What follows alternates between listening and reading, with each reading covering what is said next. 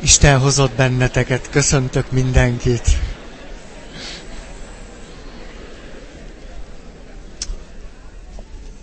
Azt hiszem a fűtésre nincsen gondunk, megoldjuk.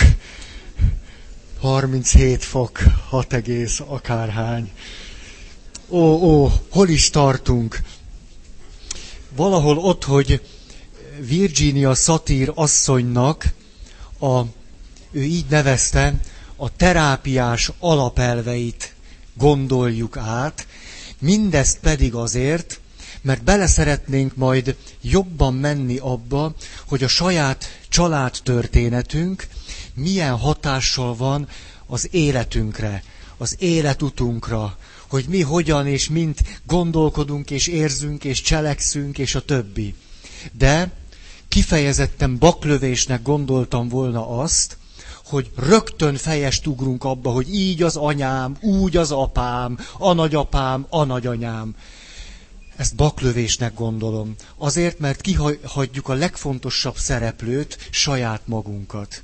Ezért tart ez a hosszan-hosszan nyúló bevezetés, mert hogy először reflektáljunk saját magunkra, hogy bármit is mondunk majd az apáról, az anyáról, a nagyszülőről, az egymáshoz való kapcsolatukról, az életeseményekről és történésekről, mi ebben benne vagyunk, és majd valamilyen szemmel és füllel fogjuk látni és hallani. És ez egyáltalán nem mindegy, hogy milyen szemmel és füllel halljuk és látjuk majd. Ezért tehát az első fontos időszak, amit most élünk, az az, hogy reflektálunk saját magunkra. Hogy még mielőtt egyetlen mondatot is kimondanánk arról, hogy apa, meg anya, hogy az hogyan fog majd hozzánk eljutni, milyen előföltevéseink vannak, mit fog ez belőlünk kiváltani, és a többi. És aztán azért is beszélünk ezekről a terápiás alapelvekről, mert hiszen magunkat is szeretnénk, mondjuk így Isten segítségével gyógyítani. Tehát valamiképpen önmagunk felé van egy viszonyunk. Szeretnénk önmagunk felé nem csak kiszolgáltatott gyerekként létezni, hanem úgy is, hogy Feré tudsz segíteni a Ferin. Ez az autó azóta szól? Egy hete is így szólt, ugye? Ez a makacs bűnöző. Nem adja föl. Úgyhogy vettük ezeket a, a, azokat az alapvető szempontokat, ahogy szatírasszony nézi a férfit, a nőt, az apát, az anyát, a nagyszülőket és a többi, és próbáljuk ezt ellesni tőle, hogy majd mikor a saját családunkról lesz szó, meg önmagunkról, akkor ilyen szemmel nézzük. Illetve ha valamilyen következtetésre eljutunk, akkor ezek ne még a sorsunkat még inkább rontó következtetések legyenek. Mert hiszen simán eljuthatunk oda, hogy úgy áll majd bennünk össze a mozaik, hogy az derül ki egy év múlva, na kiderült, hogy sokkal szerencsétlenebb vagyok, mint gondoltam. Hogy eddig azt gondoltam, kicsi a baj, most már tudom, sokkal nagyobb a baj, és ráadásul reménytelen is. Tehát én ezeket sosem mondtam, és nem is fogom mondani, mert hogy nincsen így. De bármelyikünk simán eljuthat ide. Na ezt szeretnénk megelőzni, és ezért beszélünk először önmagunkról. És akkor tudjátok, eljutottunk oda, hogy Szatírasszonynak van egy, van egy nagyon fontos alapvetése, mikor azt mondja, az önértékelésen rengeteg minden múlik. Az önértékelésen, önbecsülésen nagyon múlik az, hogy hogyan vagyok magammal, a másikkal, hogyan érzékelek egy helyzetet, egy eseményt, stb. Ezt most nem ragozom. És akkor azt mondja, és most már akkor vége is az ismétlésnek jön az új téma, új anyag, nem a téma az ugyanaz, csak az anyag új. Hogy az emberek körülbelül 5%-a tud hitelesen kommunikálni, de hogy ez a kommunikáció javításával vagy gyakorlásával nem fejleszthető olyan értelemben, hogy a kommunikációnknak a gyöngesége nem abból adódik elsősorban, hogy nem tanultunk meg jól kommunikálni, abból is adódik. De legmélyén abból adódik, hogy sérült az önértékelésünk. És a sérült önértékelésnek a tünete, hogy nem tudunk megfelelően kommunikálni. Ezért tehát, ha csak a kommunikáció javítására figyelünk, az hoz némi gyógyírt erre-arra, de többé-kevésbé azt jelenti, hogy udvarjasabban megtanulunk anyázni. Ez, ez is nagy, nagy eredmény. Tehát nagy kés helyett kiskés, nagy revolver helyett kispisztoly. Szép, szép, de nem annyira célra vezető hosszú távon. És akkor ő azt mondja, az emberek 95%-a, ha én mondok nekik valamit, nagyon vaj, annyira behúz minket a csőbe. Azt mondja, ha egy idegennel találkozom, és mondok neki valamit, akkor az emberek 95%-a spontán módon nem az alapján fog reagálni, hogy mit érez és mit gondol, hanem a túlélési stratégiája, pozíciója alapján. És mindössze köbö 5% lesz az, aki képes, miután én mondtam neki valamit, az alapján szabadon cselekedni, tehát mondjuk mondani valamit, amit ő valóban érez és gondol, ami valóban megfelel az önazonosságának a legmélyebb vágyainak. És akkor erre mondja, hogy ó igen, ez azért van, mert egy hierarchikus világban növünk föl, gyerekként picik vagyunk, és a szüleink és a felnőttek nagyok, ezért teljesen természetes, hogy ez egészen belénk ivódik, és azután a kommunikációnkban fölszínre tör az, hogy rengeteg helyzetet, ami egyszerűen csak van, mi fenyegetőnek éljük meg. Fenyegetőnek önmagunkra nézve, és ezért, amikor érzelmileg fenyegetőnek érzünk valamit, és kiszolgáltatottnak tartjuk magunkat, akkor beindulnak ezek az önvédő túlélési stratégiáink, ami megjelenik a kommunikációban. Na, itt vagyunk. Túlélés szolgáló pozíciók, az emberek 95%-a, vagyis mi. Az első ugye az volt, hogy engesztelés, az engesztelő. A vezér szava az az, igazad van. Csak hogy megmeneküljek ebből a nehéz helyzetből, ha nem mondom, hogy igazad van, elhagysz engem, ha nem mondom, hogy igazad van, lesz egy vita, amit nem bírok, ha nem mondom, hogy igazad van, akkor dühös leszel rám, és félek, ha haragszol, ha nem mondom, hogy igazad van, akkor tíri tök mindegy. Tehát, hogy jobban járok, ha azt mondom, fejezem ki, ha úgy megy tovább a helyzet, hogy igazad van. És a túlélési pozíciónkat három szem... Ú, ezt most... Nehéz dolog az előadás.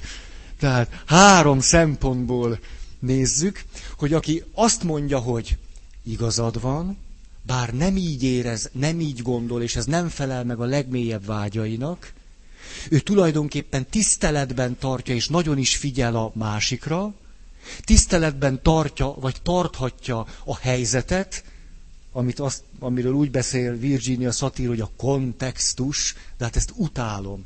Tehát ilyen szavakat, ez, ez, vannak szavak, amelyekre vámot kéne fizetni. Kontextus. Tehát helyzet, de ami minden, ami ebben van. De egy valamit súlyosan elhanyagol, ez saját maga. Ezért nem is tudja a helyzeteit megfelelő módon megoldani. Mert a helyzetben van az én, a te, meg a helyzet. És ha valaki csak a tere meg a helyzetre figyel, és önmagát elhanyagolja, mindig olyan helyzetekbe fog jutni, ami valójában neki nem jó. Illetve amiről azt gondolja, hát rövid távol jó, hiszen túl kellett élnem a helyzetet. Csak nem felel meg igazán neki. Általában 50 százalék ezt mondja Szatír. Munka hipotézisként mondja ezeket a számokat. Az emberek, ha idegenek és találkozom velük, és mondok nekik valamit, 50%-ban igazat fognak nekem adni. Attól függetlenül, mit gondolnak, mit éreznek, mi a legmélyebb vágyuk vagy véleményük. Második, vádaskodás.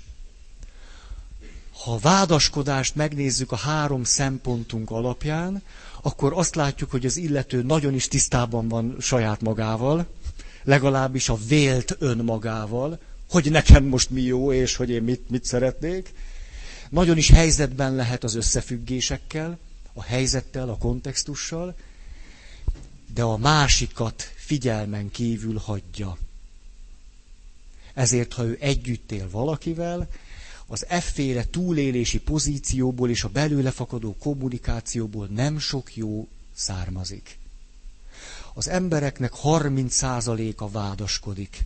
Vagyis ismeretlenül találkozom valakivel, és mondom, képzeld el, ez történt, és ezt gondolom, akkor ő azt fogja mondani, hogy ez hülyeség. Tehát 30% azt mondja, hogy nem. És teljesen függetlenül attól, hogy valójában annak a helyzetnek, és ami kettőn kapcsolatának mi lenne jó. Akkor is azt mondja, hogy nem. Emlékeztek a kedves ismerősömre, ez, ez lehet, hogy itt is van, mert szokott jönni. De nagyon-nagyon tudja, hogy ezt szoktam mondani. Meg ti úgyse tudjátok, hogy ő az. Mikor utaztunk a vonaton, és mindig azt mondta, amikor valaki valamit mondott, hogy nem. Vagy ezt fejezte ki. Tehát valaki, milyen szép a táj. Na, és ezek a villanypóznák itt mellettünk. Ó, oh, milyen undorító ez a gyárnegyed. Mi az, hogy undorító? Szükség van az iparra. Ugye, tehát teljesen mindegy, csak ezt, ezt lehessen kifejezni, hogy nem, nem, nem, rosszul gondolod, buta vagy. Akkor azt találtam neki mondani, mert kezdett fölmenni az agyam, pedig hát eléggé fönn van, tehát próbált kitörni, amerre lehet neki. Tehát vagy lenyelem, vagy kijön. Tehát ez a... És akkor, hát azt találtam, hogy te mondd meg Géza.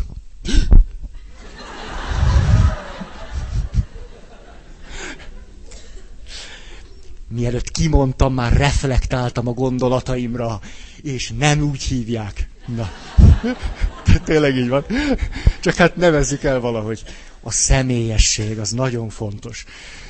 Tehát mond Géza, miért kell mindenre valamit még mondani? Mire azt mondja, nem kell.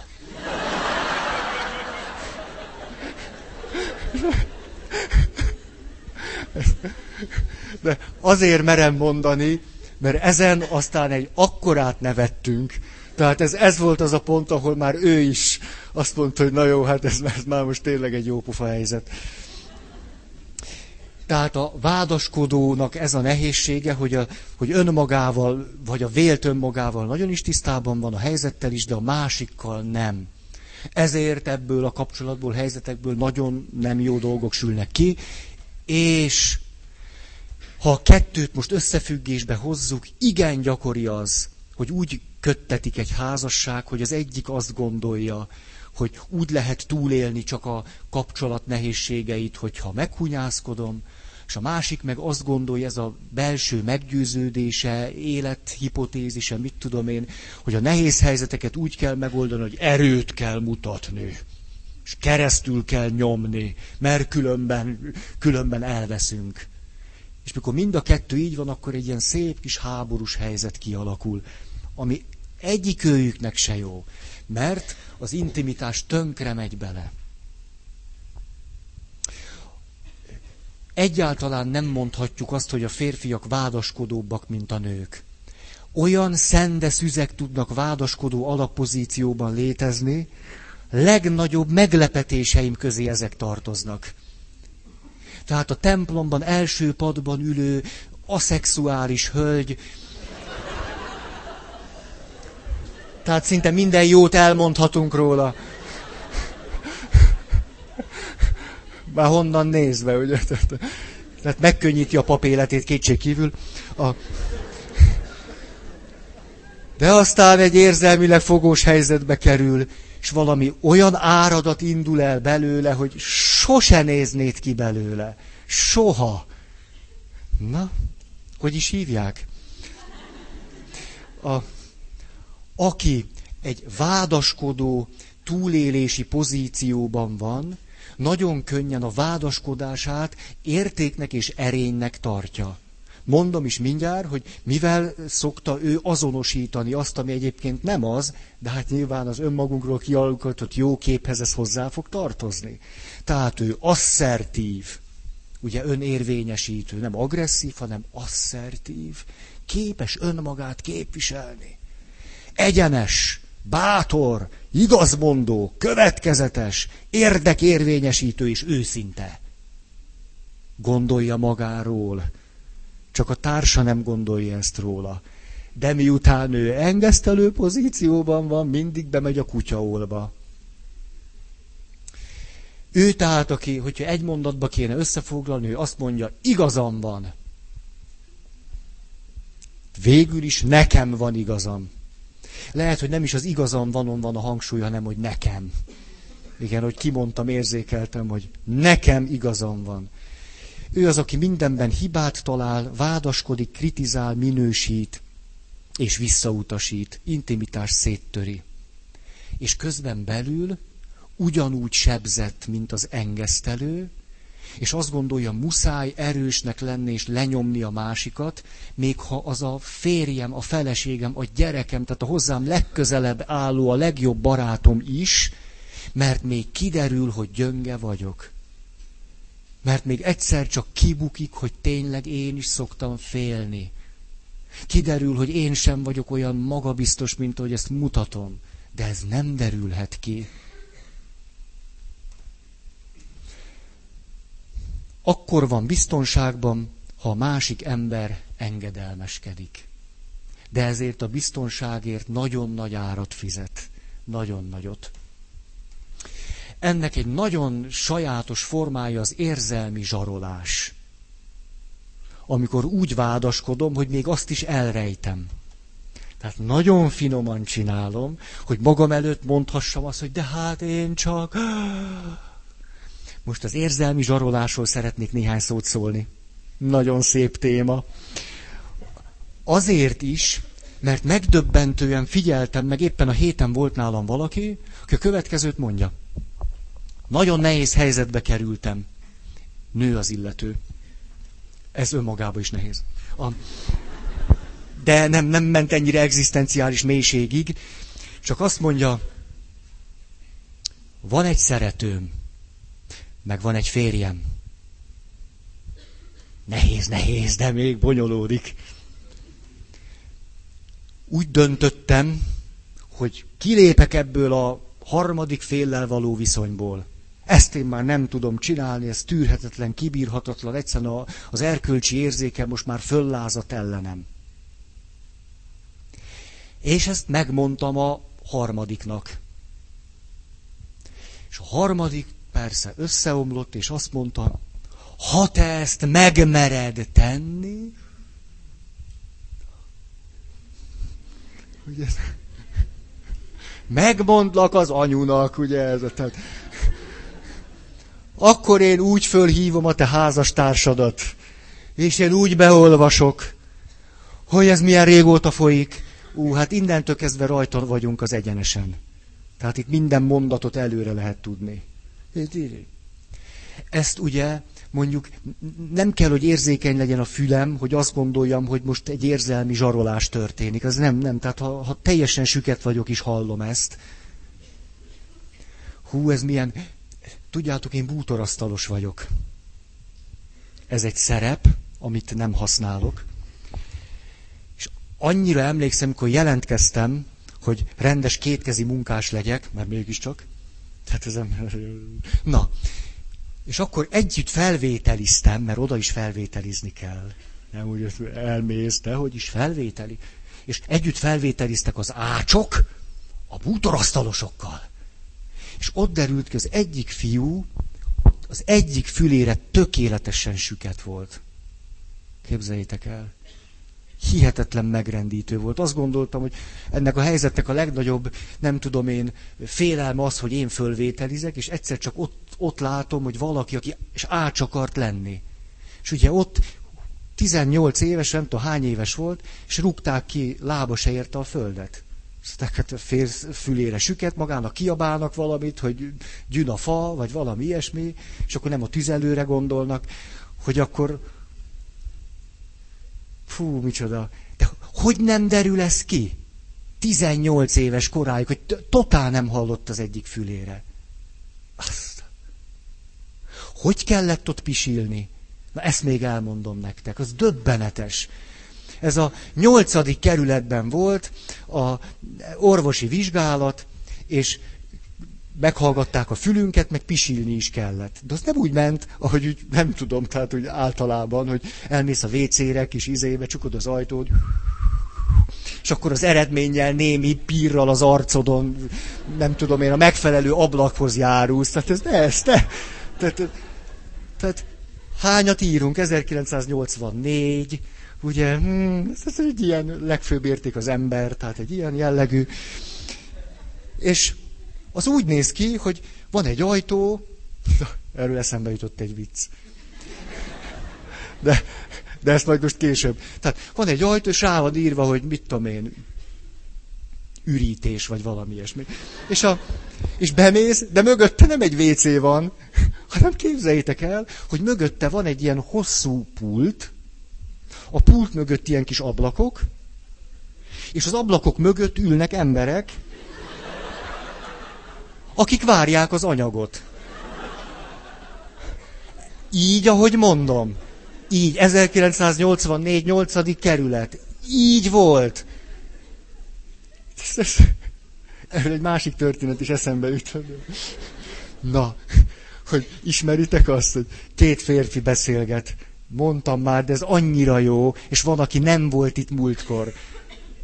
Sokkal múltkor. Két férfi beszélget, az egyik iszonyú csalódottan azt mondja, te, képzeld, mi történt. Látok egy ajtót, és rá van írva, hogy nők. Bemegyek, és csak egy budi.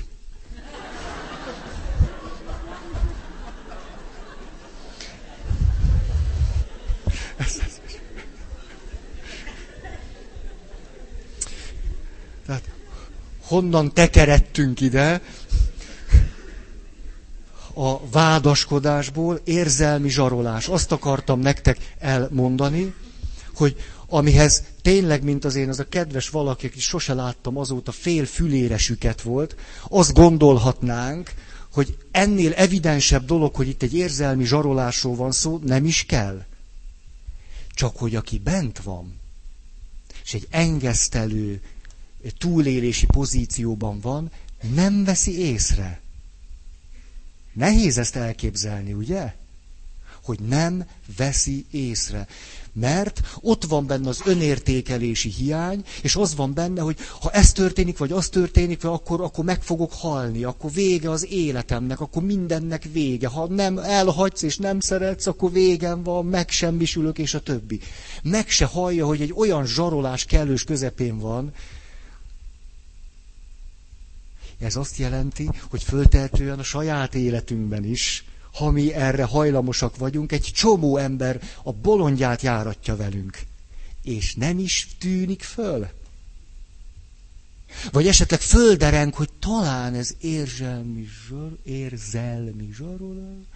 De nem, nem, nem. Nem, nem, nem. Hát végülis igaza van, tényleg. Hát, hát végülis, ha most megértem őt, akkor hát tényleg.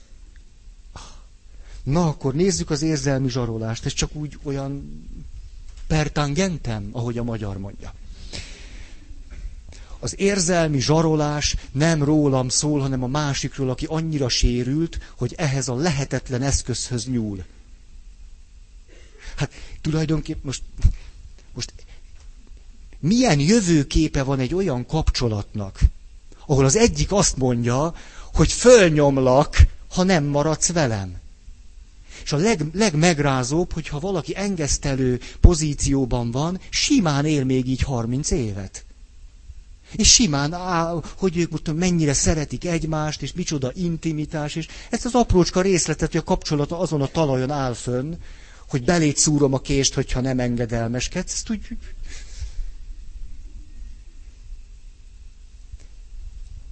Tehát a sebzettségéből adódóan az egyik fél a másik rovására, hatalmi előnyhöz akar jutni. Ez az érzelmi zsarolásnak a logikája. És aki érzelmi zsarolásban van, ugye vádaskodó, nyilván gondolhatjuk azt, hogy egy alá fölé rendelő megjött. Láttam, hogy nagyon szükséged van rá. Tehát, hogy aki érzelmi zsarolásban van, tudhatjuk, hogy ahogy Virginia Satir hogy mondja, alá fölé rendelő hierarchikus szemléletben látja a világot. Tehát muszáj pozíció fölént kiharcolni, muszáj, mert fenyegetve érzem magam a létezésemben. Tehát muszáj. Ezért ő a másik rovására jut előnyhöz, vagy akar előnyhöz jutni, és ezt hogy mondja el nekünk? Hát úgy, hogy természetesen az én szempontjaim, amelyek alapján most megzsarollak, fontosabbak, mint a tieid. Értem én, hogy ilyen, ilyen, hogy mondjam, ilyen primitív morális aggájaid merültek föl ezzel a, ezzel a meghitt kapcsolatunkra vonatkozóan. Tehát ez a kis, kis, kis morális bökkenő, mi ahhoz a gyönyörűséghez képest, amiben mi vagyunk. Ahhoz a földön túli boldogsághoz képest ez a kis morális probléma. És ő ezt tényleg így éli meg, miközben emögött egy nagyon nagy sérültség van, ha te ezt tényleg megteszed, bele fogok dögleni. Meg fogok halni. Nem tudok nélküled élni. Ez van mögötte. És amikor valaki azt mondja, hogy nem tudok nélküled élni, ezt nevezzük az önértékelés és az önbecsülés súlyos károsodásának. Mert nem arról van szó, hogy az illető belegondol a veszteségbe, hogy mi történik akkor, ha a másik engem elhagy. Ha a másik engem elhagy, akkor én abba érzelmileg tényleg belepusztulok. Majd jön a föltámadás. Érzelmileg beledöglök, kikészülök, sírok, nem bírok dolgozni, hülye gondolataim vannak, az egyébként is. A... És utána tudok élni. Itt tehát két dolog, két dolog összecsúszik. Az egyik, hogy a veszteséget nem lehet elkerülni, iszonyúan fog fájni, iszonyúan, szét fogsz, szét fogsz szólsz esni, és ez normális.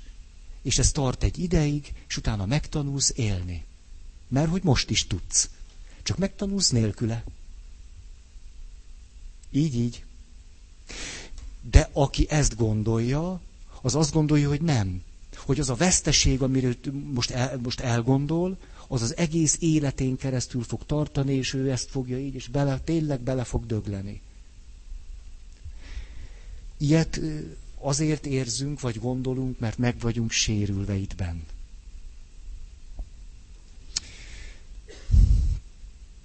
Mondom a, a hat pontját az érzelmi zsarolásnak.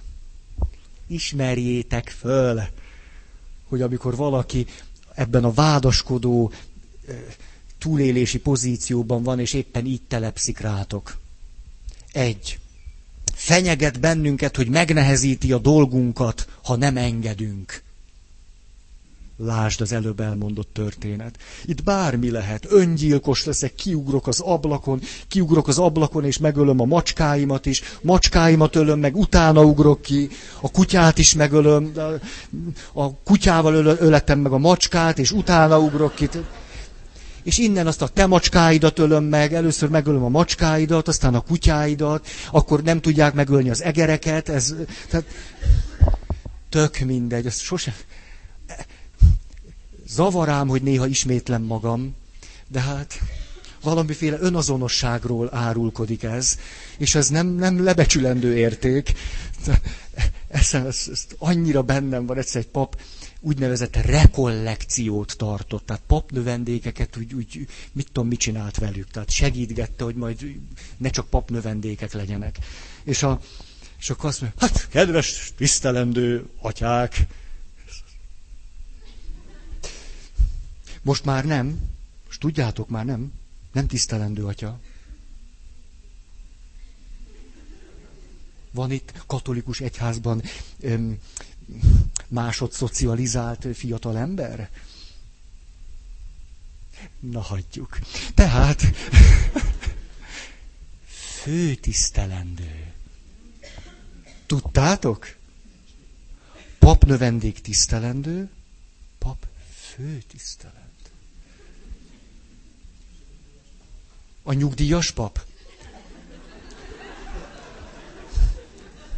Nem sokára néhai főtisztelendő atya.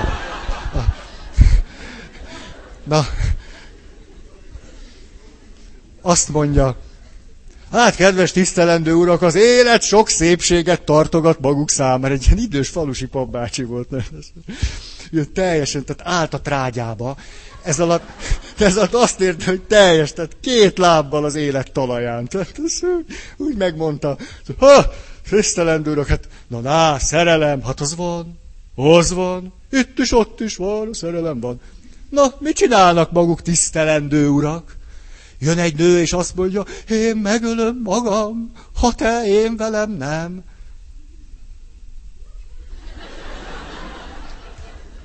Hát mit csinálnak, kedves tisztelendő urak? És akkor azt mondja, hát mit? Azt mondom neki, ölje meg magát. Hozok benzint, utána fölgyújtjuk, és a kis hamut fölsöpröm kukába ki.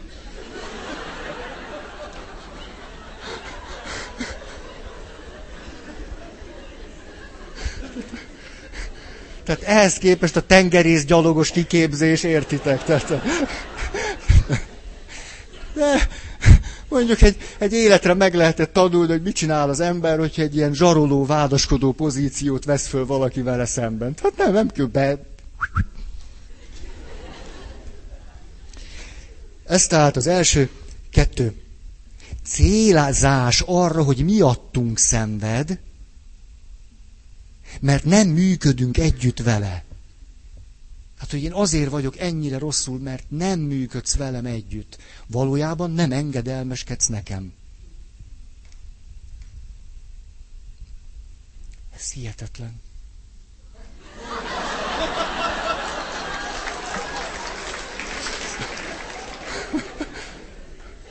Micsoda szinkron jelenség tanúi lehettünk.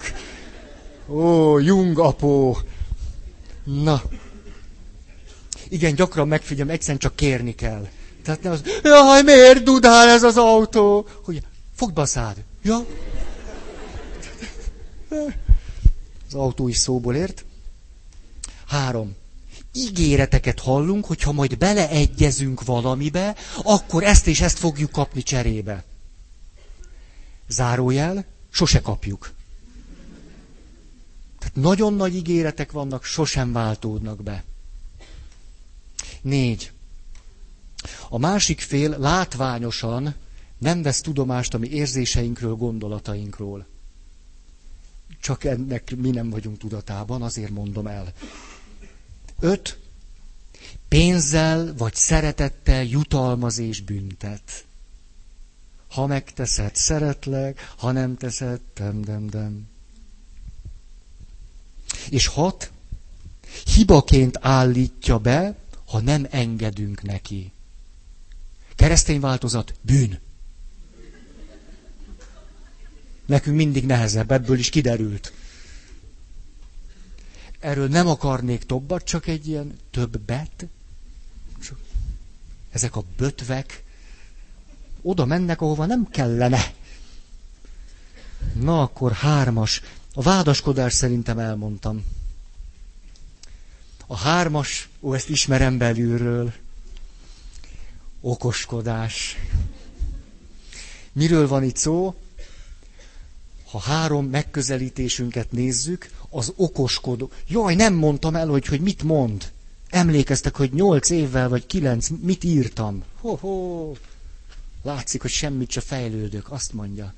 Ugye az az alaphelyzet, hogy megyek a villamoson, múltkor busz volt, és neki esek valakinek, mert hirtelen fékez a jármű, és ki is szórom az ő kosarát, és őt is egy kicsit meglököm, ugye? És hogy mi, mi jön ebből?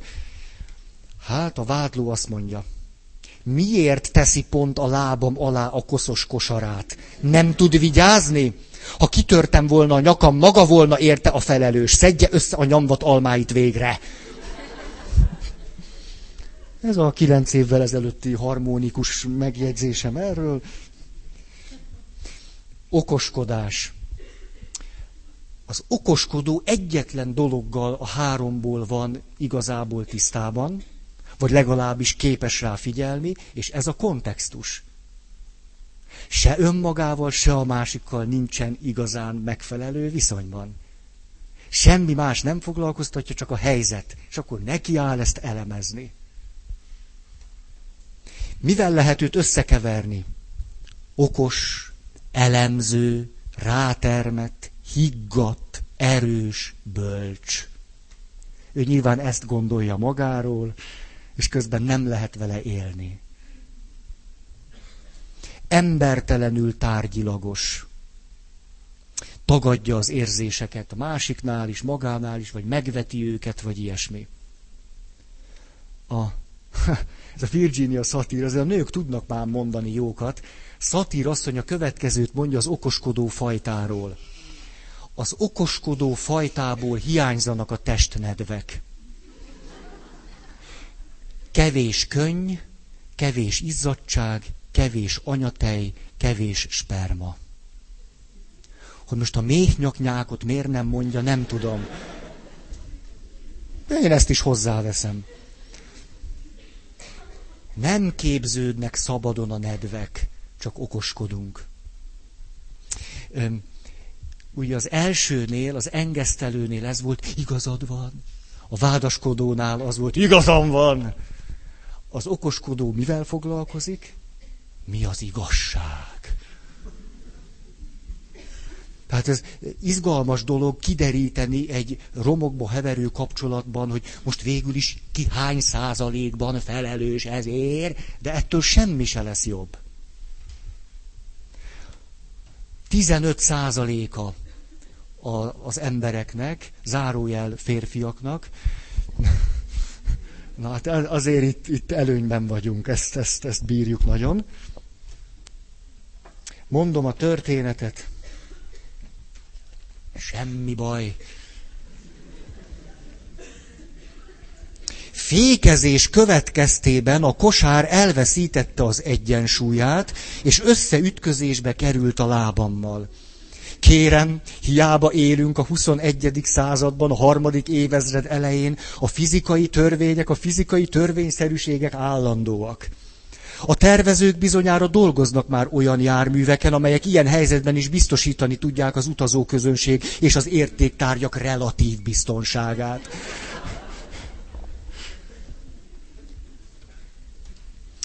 Ő tehát ez, nehéz vele nagyon.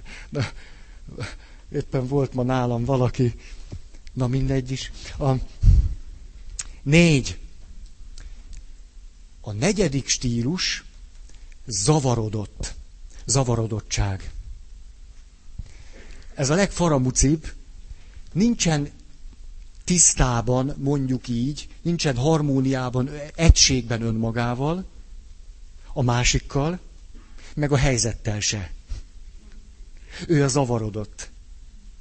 Tudjátok, ő az, amikor, amikor valami komoly téma előkerül, és elkezd vicceskedni. Egyszerűen ne, nem bírja elviselni, hogy egy komoly téma jelent meg. Amikor valaki kezdeményezné azt, hogy mélyebbre menjünk egy helyzet tisztázásában, és akkor elüti egy poénnal. Ez zavarodottság. Nincs se otthon magánál, se a másiknál, se a helyzetet nem tudja reálisan fölmérni. Ha el tudom terelni ezt a húzós témát, nem esik bajom. Ugye ez fenyegetve érzi magát, és, ha, és akkor az hú, sikerült megúszni. A, olyan gyakran mondtam már ezt, a, a leg, leg, legáltalánosabb példa ez a gyász. A gyász. Mikor valaki egyszer csak elkezd zokogni a friss veszteségével, és sír, és hogy meghalt, és nem tudom fölfogni, és ki van készülve, és akkor az zavarodott, mert ilyenkor persze nem 0,5 meg 1 százalékunk lesz zavarodott, hanem sokkal több. És rögtön elkezdünk valami olyasmit mondani, ami azt a célt szolgálja, hogy mi kimeneküljünk ebből a helyzetből. Miközben azt gondoljuk, most valami segítséget nyújtunk neki. Nem szabad sírni. Ezeket... Mivel lehet összetéveszteni? Vidámság, spontaneitás, kreativitás, humorérzék, hangulatteremtés. Nem erről van szó, hanem menekülésről. Az illető nincs egyensúlyban. És nézzük, azt mondja, hogy Úgy látszik, ma alacsonyan repülnek a fekete macskák, és ez a járgány úgy megijedt tőlük, hogy hirtelen a földbe gyökeredzett a lába. Egyébként múltkor a szomszéd azt, hogy majdnem elütötte a busz. Azóta csak villamossal jár, de ez egy teljesen lehetetlen nőszemély. Tudja, mondta is a nagybátyám róla, hogy... Tehát körülbelül ez.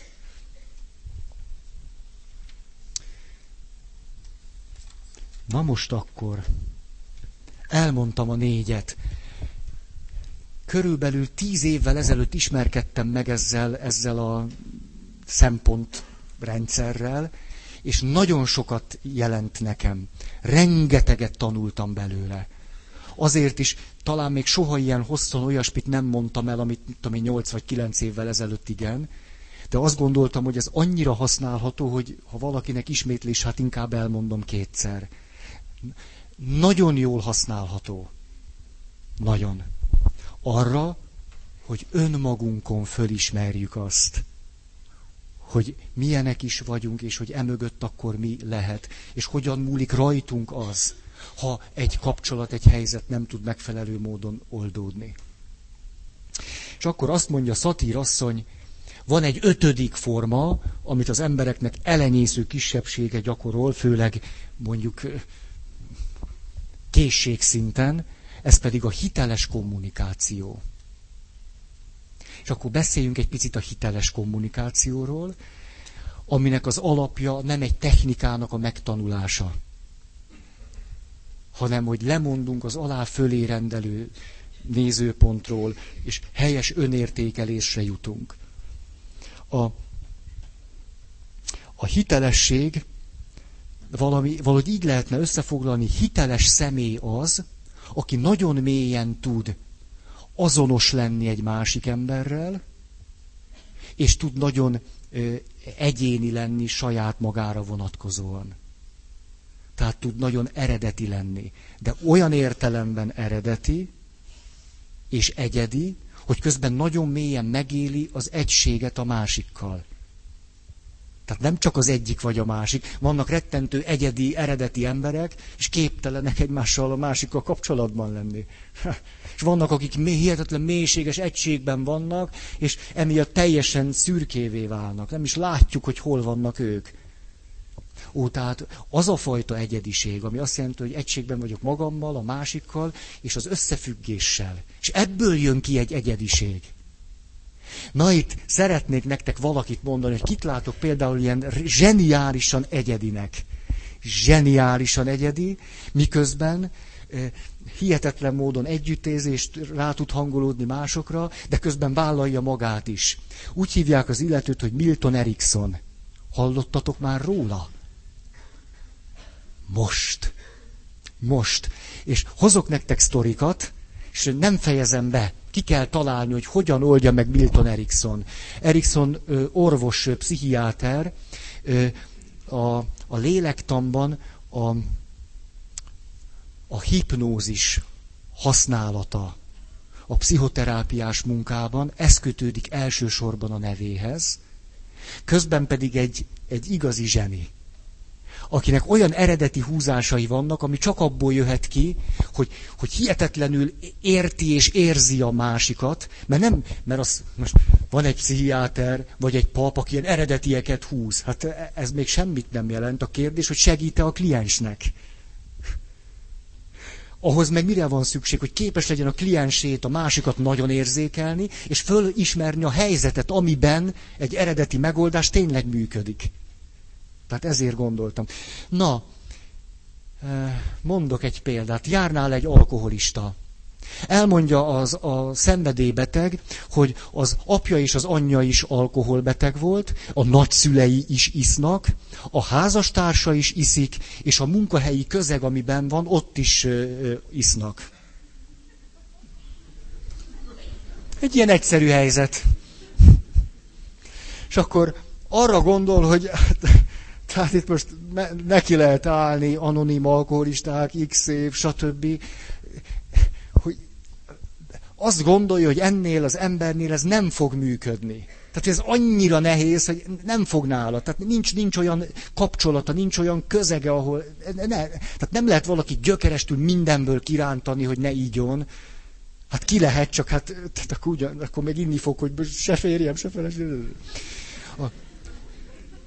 És a következőt mondja neki, mikor kiderül számára, hogy hát ennek felesett réfa.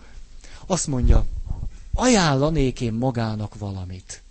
Nem messze ide, idáig mondtam.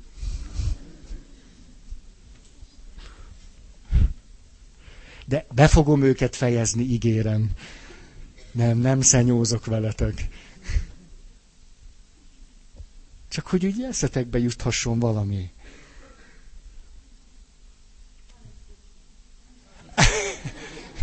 Nem messze van egy kocsma. Igyon egyet az egészségemre. Mindig menjen le, ha megszomjazik. Ó. Ó, ez, ez nagyon... Mert akkor lusta lesz majd oda menni. Ismered Eriksont? Nem, akkor csak okos vagy. de nem ez. Egy kicsit se, de nagyon, nagyon... Jó, jó, jó. A következőt mondja, hát nézze, nem messze ide van egy botanikus kert. A botanikus kertben hatalmas kaktuszok is vannak. Mondok én magának valamit a kaktuszokról. Egyes kaktuszok három évig is bírják ivás nélkül. Menjen le, nézze meg ezeket a kaktuszokat. És az űrgét, ez, és lement, és az órákig ott ült, és nézte a kaktuszt, és a feleségével együtt. Meggyógyultak.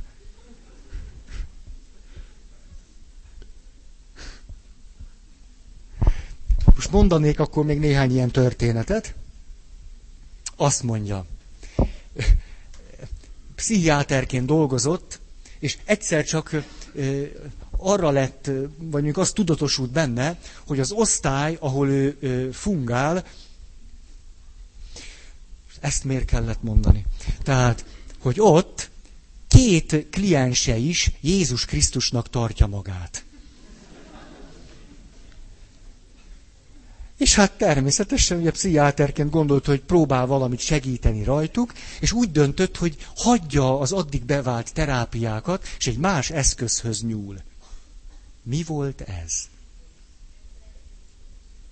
Hogy? Ott van, ott van a jó válasz. Óriási. Ti is tudtátok? Nem? Leülteti őket egymással beszélgetni. És a, egymással elkezdtek beszélgetni, és ráébredtek, hogy valami irrealitásról van itt szó. És ugyanehez kapcsolódik egy harmadik történet. Az osztályon egy újabb Jézus Krisztus jelenik meg, de addigra ez a másik kettő már meggyógyult, tehát ezt ugye nem, nem lehet ezt a jó ötletet tovább folytatni. És a egészségedre. És akkor a következő jut eszébe.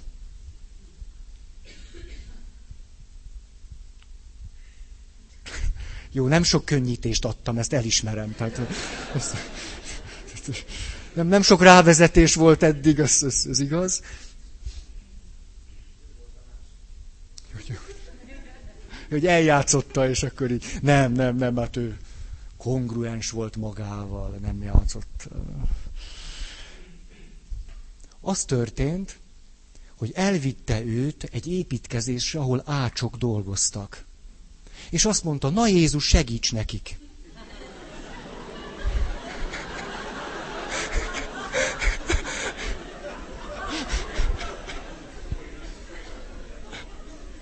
És, ez is bejött. Gondolom, van kétszer annyi történet, ami nem jött be, de ezek nem olvashatók. A... Mondom a kedvencemet, egy 12 éves lány kliense fekszik benne a, a osztályon, és hogy miért, miért nem, hát annyit lehet tudni a családi történetről, rettenetesen elkényeztetett egyke lány, és kifejezetten, hogyha valami nem úgy történik, ahogy neki tetszik, akkor egész brutális tud lenni. De olyat megcsinál ez a lány, hogy, hogy úgy bele, hogy a sarkával úgy bele tapos a felnőttekbe, hogy az egyiknek eltörik a lábúja. 12 éves. Tehát, hogy ez nem az az öntyöm-pöntyöm helyzet már, hogy... És néha a legkisebb ellenállásra a környezete részéről dühkitörésekkel válaszol. Erikson a következőt teszi.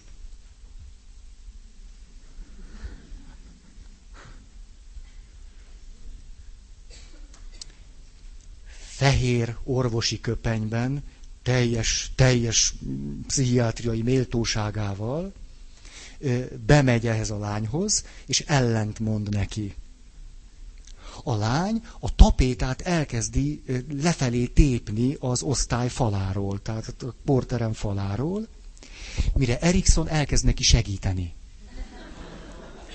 Együtt tépik a, a, a, a tapétát a falról, és utána azt mondja, ez itt nagyon jó, most végeztünk kint, sokkal jobb buli van. És kiviszi a lányt, és szembe jön egy ápolónő. És az ápolónőről re- lerántja a ruháját. És az ápolónő ott áll melltartóba, meg bugyiban. És erre a 12 éves lány fölkiált, doktor úr, ilyet nem szabad csinálni.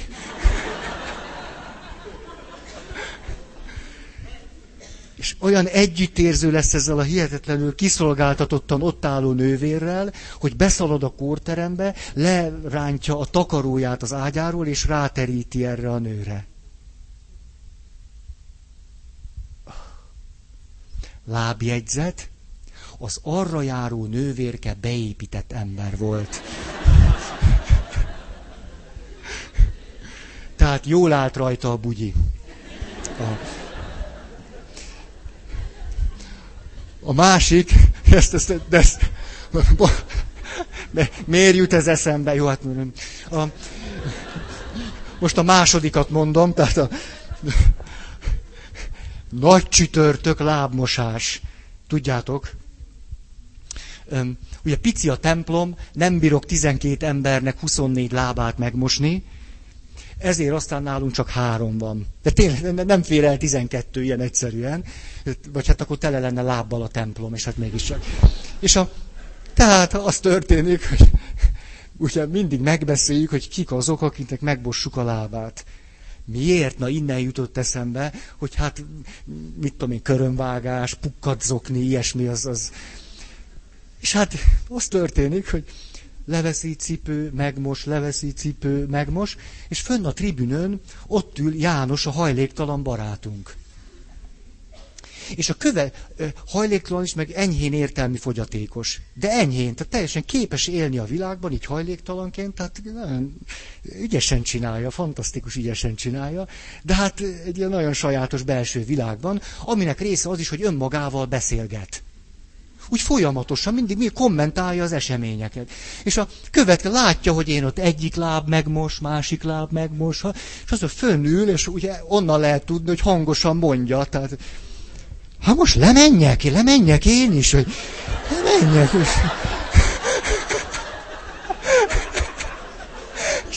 És... Nagy csütörtök, szertartás legnagyobb mélysége, és hát vég, végül is rám férne ez, rám férne így a környezet ilyen lárva állapotban. Tehát ha János most lemegy, Feri atyát azért azt is kérem, és tehát, hogy értitek, tehát a húsvétnak annyi, tehát... Az történt, hogy lebeszélte magát. Hát, nem megyek, hát, nem, nem megyek, majd, majd holnap. Majd. És az egészből én semmit nem vettem észre, csak, csak utána jöttek, és mondták, hogy Feri, tudod, hogy mit úsztál meg?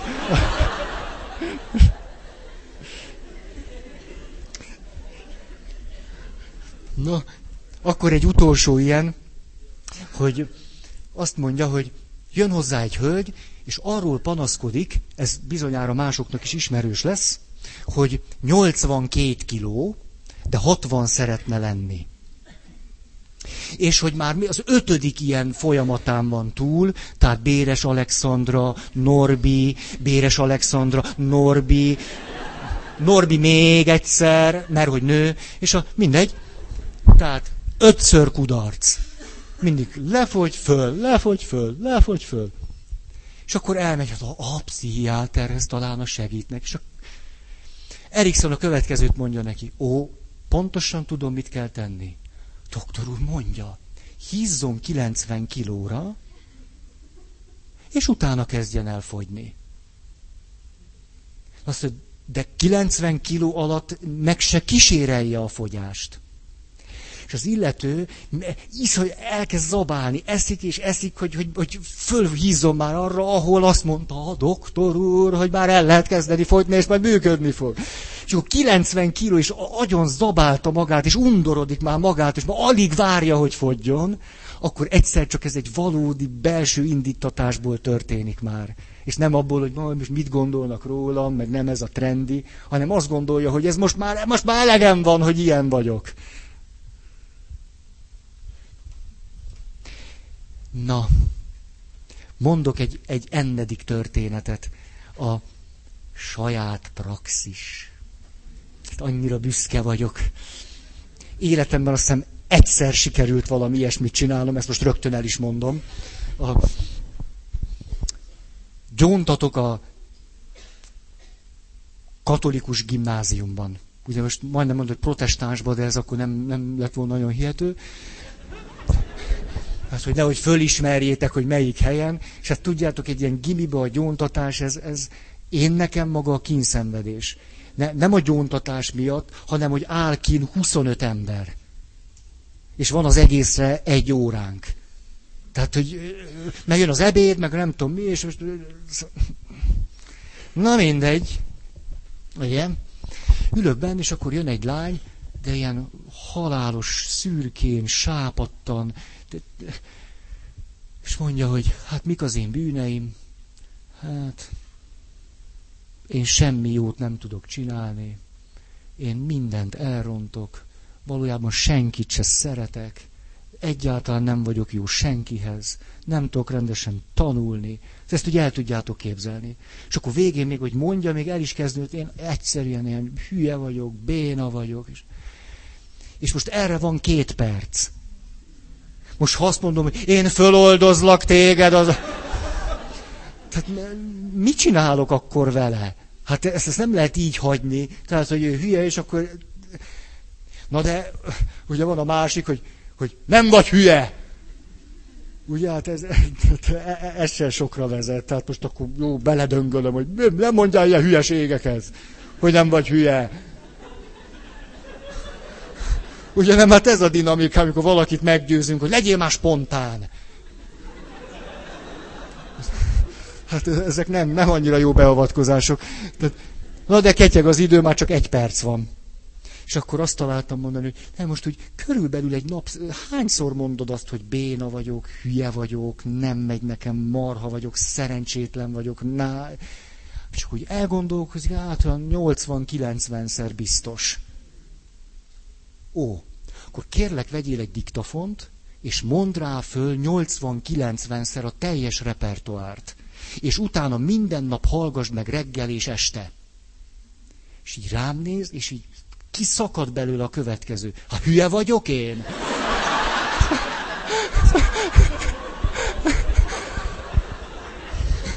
Na, akkor én föloldozlak téged az atya. Lehetsz. Na, a, tehát, hogy azt mondja Virginia Satir, a hiteles kommunikációhoz arra van szükség, hogy képes legyek egységben lenni önmagammal, a másikkal és a helyzettel. És látjátok, hogy ezzel milyen valami nagyon szépet mond. Mert mindig, amikor arról beszélünk, hogy hitelesség, állandóan csak magunkra gondolunk. Nem? Hiteles az, aki, és akkor innen jön a következő, már teljesen eszetlen mondat, ami a szívér, az a száján, az összes érzésével azonosul, ezt rögtön a környezete tudtára. Hát ez nem hitelesség. Tehát, hogy a legkisebb érzületemet is rögtön hányom kifelé. Hát mi ebben a hiteles? Hát gyógyul... Na. Tehát, hogy Virginia... Miért jöttem indulatba? Virginia Satir azt mondja, a hitelességhez, tehát ez a három dolog kell. Hiteles viszony önmagammal, hiteles viszony a tevel, annak a figyelembe vétele, érzékelése, jelenlét a másikkal, és a, a közegnek, a kontextusnak, a körülményeknek is a, a, a reális értékelése. Hogy ebből jön ki az embernek a hitelessége. És az erre épülő hiteles kommunikáció. Ez nagyon nagy, ez hú, de szépet mond. Sokkal több, mint amire én eddig gondoltam. Na és akkor most ellenőrizhetjük, hogy mennyire vagyunk hitelesek. Jön a teszt. Nem fér bele, de azért jön. Legfőjebb nem fejezem be. Azt mondja, hogy nyolc pontban összefoglalja, hogy hogyan tudom önmagamat megnézni a hitelesség szempontjából. Ha a másik oldalról, hogy vádló vagyok-e, engesztelő, okoskodó vagy elkerülő, nem ismertem volna föl eléggé magamat. És arra gondolok, hogy én egyszerűen csak bölcs vagyok és kreatív. Tehát ez, ez most azoknak szól, akik még most is tartják magukat. És mondják, még mindig a feleségemmel van a baj. Tehát most, most nekik beszélek. Azt mondja, a kérdésekre egyenesen tud válaszolni. Nem kérdez vissza, hogy most miért kérded? Miért fontos ez? Most ez miért jutott eszedbe? Most miért futnak azok is a labda után, akiknél nincs? A, mi, miből gondolod? Na tehát ez ez. Tehát van egy egyszerű kérdés, és nincs válasz, rögtön ilyen visszakérdezés. A, a, hát mondjuk kimegyünk itt az épületből, és valaki a következőt kérdezi ez egy jó, egy mondat vagy egy beszédfordulat lesz, de minden benne lesz. Azt kérdezi, hogy, hogy hazamész? Már tőlem. Mire az én válaszom az, elvigyelek?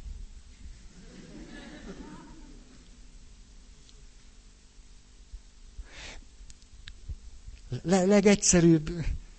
Tehát miért azt, kérd, miért azt kérdi, hogy hazamész-e? Hát a kérdés az így hangzik, el tudsz engem vinni, ha hazafelé mész, vagy mit tudom én, megyek Óbudára, arra felé mész, el tudnál vinni? Ez, de hogy hazamész. Ugye, és a, a másik része az meg én vagyok. Ha hallom ezt, hogy hazamész, akkor rögtön, mi köze hozzá, hogy hazamegyek? Én, én megyek, én autóm, én lábam, én hazám, én izém, izé. Tehát miért nem mondhatná az? Hazamegyek. Nem megyek haza, de én se ezt mondom, ugye? Mi elvigyelek? Mi, én most akkor nem gyártottam egy hipotézist, hogy ő most azt kérdezi, hogy... Tehát azért, hogy egyetlen fordulat, de mind a ketten totál benne vagyunk. És ugye e- ezekből jön az ki, hogy, hogy miért elvigyelek? És akkor, jó, de nem akarok zavarni. És akkor... Tehát, hogy a kérdésekre tudunk válaszolni. Hogy például, hogyha erre a kérdésre azt mondom, hogy hazamegyek, ez nem bántja az önértékelésem, vagy, vagy nem, nem érzem, hogy a szabadságomba gázolnának egy ilyen kérdéssel, hogy hazamész. Tehát, hogy tudom azt is mondani, hogy igen, vagy nem, és hogy semmi baj vele. Hogy igen. Jó, hát persze mondhatom azt, hogy semmi között hozzá, de akkor ezt mondjam meg. Tehát hazamész között hozzá?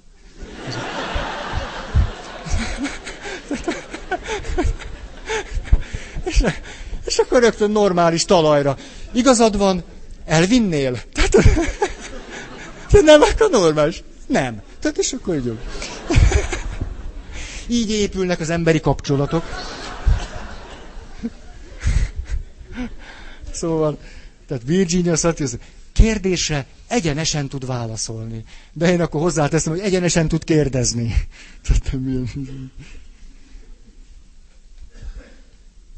Kettő. Szabadon megjelenik, sugárzik belőle a nemisége, vagyis az, hogy férfi vagy nő. Ez nem azt jelenti, hogy tombol, tehát, hogy, hogy Hát az önazonosságnak, a nemi önazonosság, hát vastagon része. Ez, ez teljesen egyértelmű. Tehát ha valaki az ezzel kapcsolatos önazonosságát elrejteni, szégyelni nem szabad, az nincs is, tulajdonképpen csak humanoid vagyok. Egy... A, az, az, ezt, és akkor az ezzel, na jó, a, eszembe jut, valamelyik tévé műsorban hallottam, hogy ül egy nő, riporter előtt valamilyen ilyen RTL klubos műsor, és a TV2-s, és mélyen dekoltált. És akkor a riporter erre rákérdez, hogy hó, nagyon szép a dekoltázsod, Mari, hogy máskor is így, így, így szoktál, és akkor a Mari ilyen egészen egészen ilyen fölháborodva azt mondja, hogy hát ez szörnyű, hogy, hogy, hogy én egyszerűen csak megjelenek, és akkor a, a férfiak a mellemet nézik. És hát szoktam nekik mondani, hogy itt vagyok. Már hogy nem itt. Itt vagyok. Most az a kérdés, hogy, hogy ő tudja-e, hogy itt van.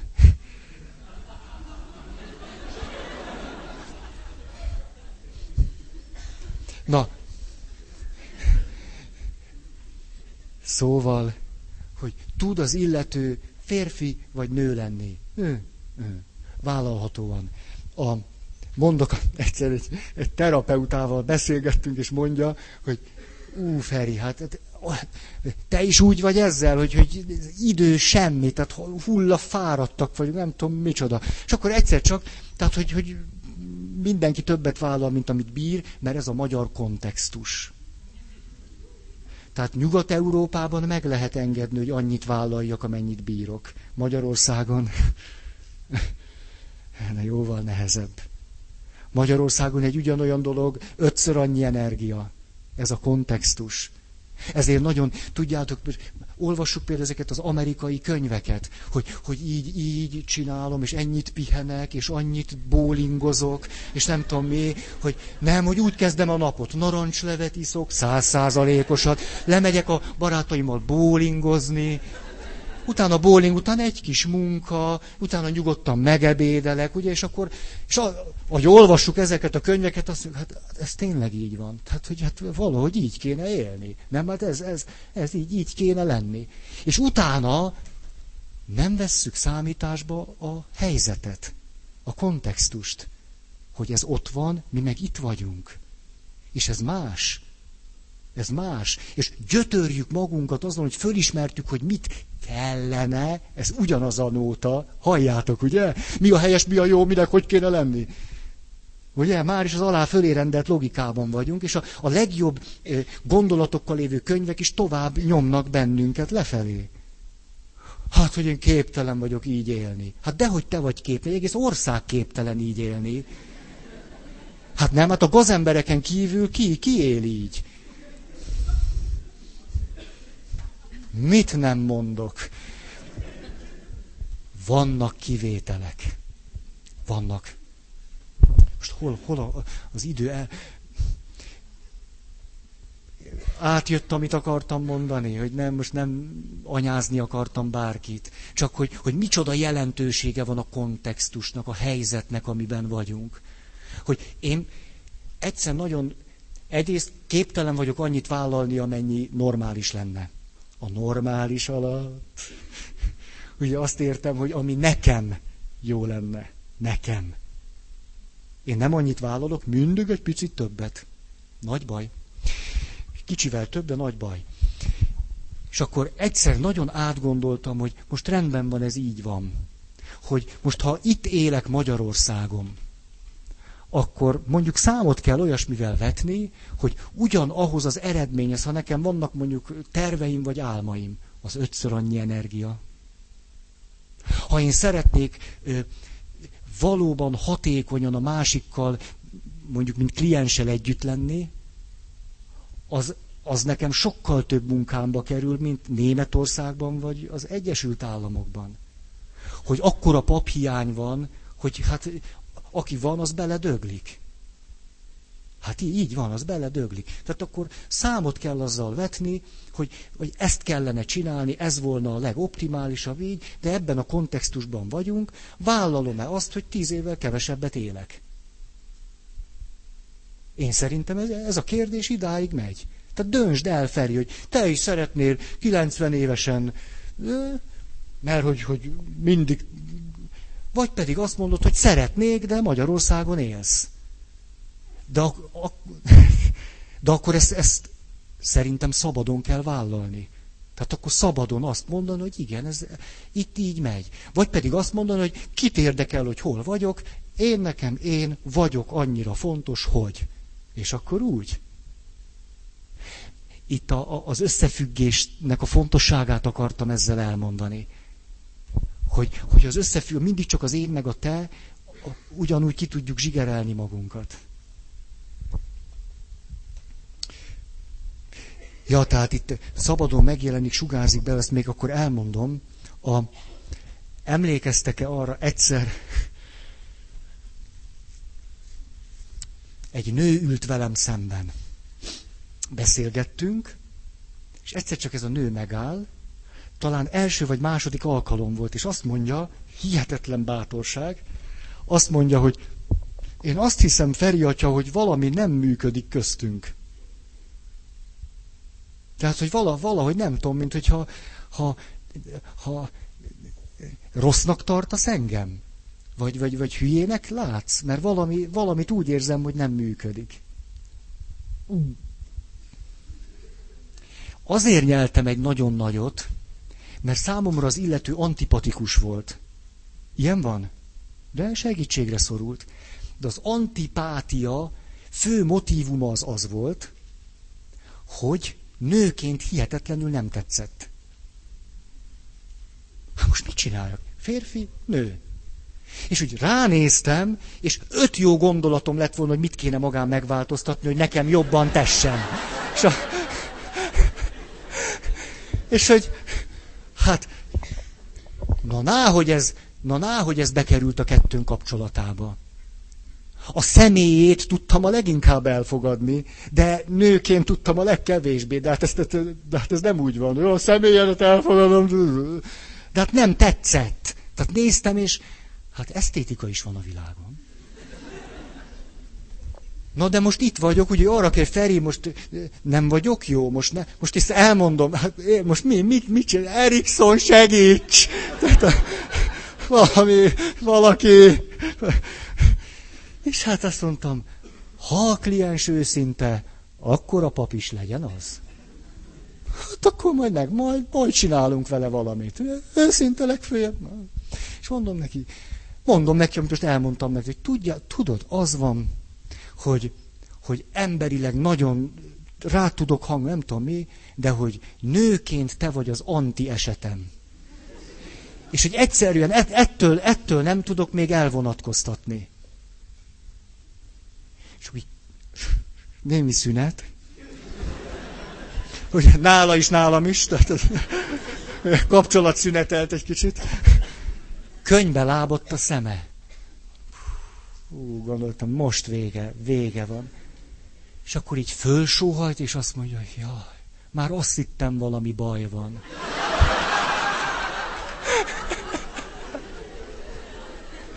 Tehát normálisabb volt, mint én. Tehát, a, tehát hogy emlékeztek? Tehát nem hozta összefüggésbe az önértékelését a rántott hús állapotával. Tehát képes volt megkülönböztetni azt, hogy, hogy, hogy attól, hogy én nekem ő nőként bejön-e vagy nem, ez semmi köze ahhoz, hogy ő értékes vagy nem értékes, vagy hogy köztünk tud valami jó folyamat menni. három vagy négy éve jár azóta. Ha nagy baj van, jön, és nagyon, és ezt így csináljuk. Tehát ő vele olyan brutális őszinteséggel megy, mert valahogy ez ott megteremtődött rögtön, és akkor nem adjuk alább. Tehát nagyon úgy beszólunk egymásnak. Nagyon, nagyon működik. Arra hoztam föl példának, hogy itt én nekem a, a férfi önazonosságommal valahogy el kellett számolni. Mert hogy arról volt szó nem másról, nem a segítő attitűdökről, meg a kompetenciákról, nem erről, nem én férfi, ő nő, és hogy itt most mi van. És tudom, hogy tudom, hogy lejárt az időd, elkezdtem egy történetet. Emlékeztek még? Egy nagyon elfoglalt pszichiáter terapeutáról, és akkor ez a két mondat, ezt befejezem, hogy azt beszélgettünk, egyáltalán nincs időnk, és akkor egyszer csak van egy közös ismerősünk, aki elkezdett hozzá terápiára járni. És kérdezem tőle, hogy na, Laci, akkor azt a klienst miért vállaltad? És akkor így rám néz, és ilyen teljes természetességgel azt mondja, mert tetszik. Ne értsétek föl, nem azt jelenti, hogy viszonyt fog vele folytatni. Egyáltalán nem. Azt mondja, szép. Mert szép. Nekem persze, szubjektív. Mert szép, és ha ránézek, szép, és ez nekem segít. Kedvem van hozzá. Valaki nagyon sóhajtott. Na. Köszönöm a figyelmeteket. Két hirdetni való. Fú, ez hihetetlen, hogy nem felejtettem el. Az egyik, nemzeti ünnep jövő héten. Vigyázzatok magatokra. És a,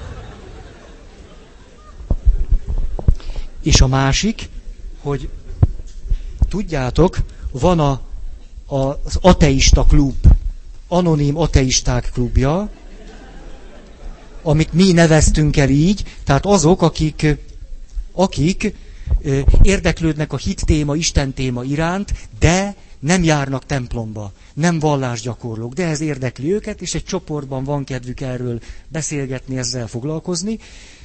Első alkalom idén, október 25 csütörtök, 7 óra a szokásos helyen, a Háló klubban.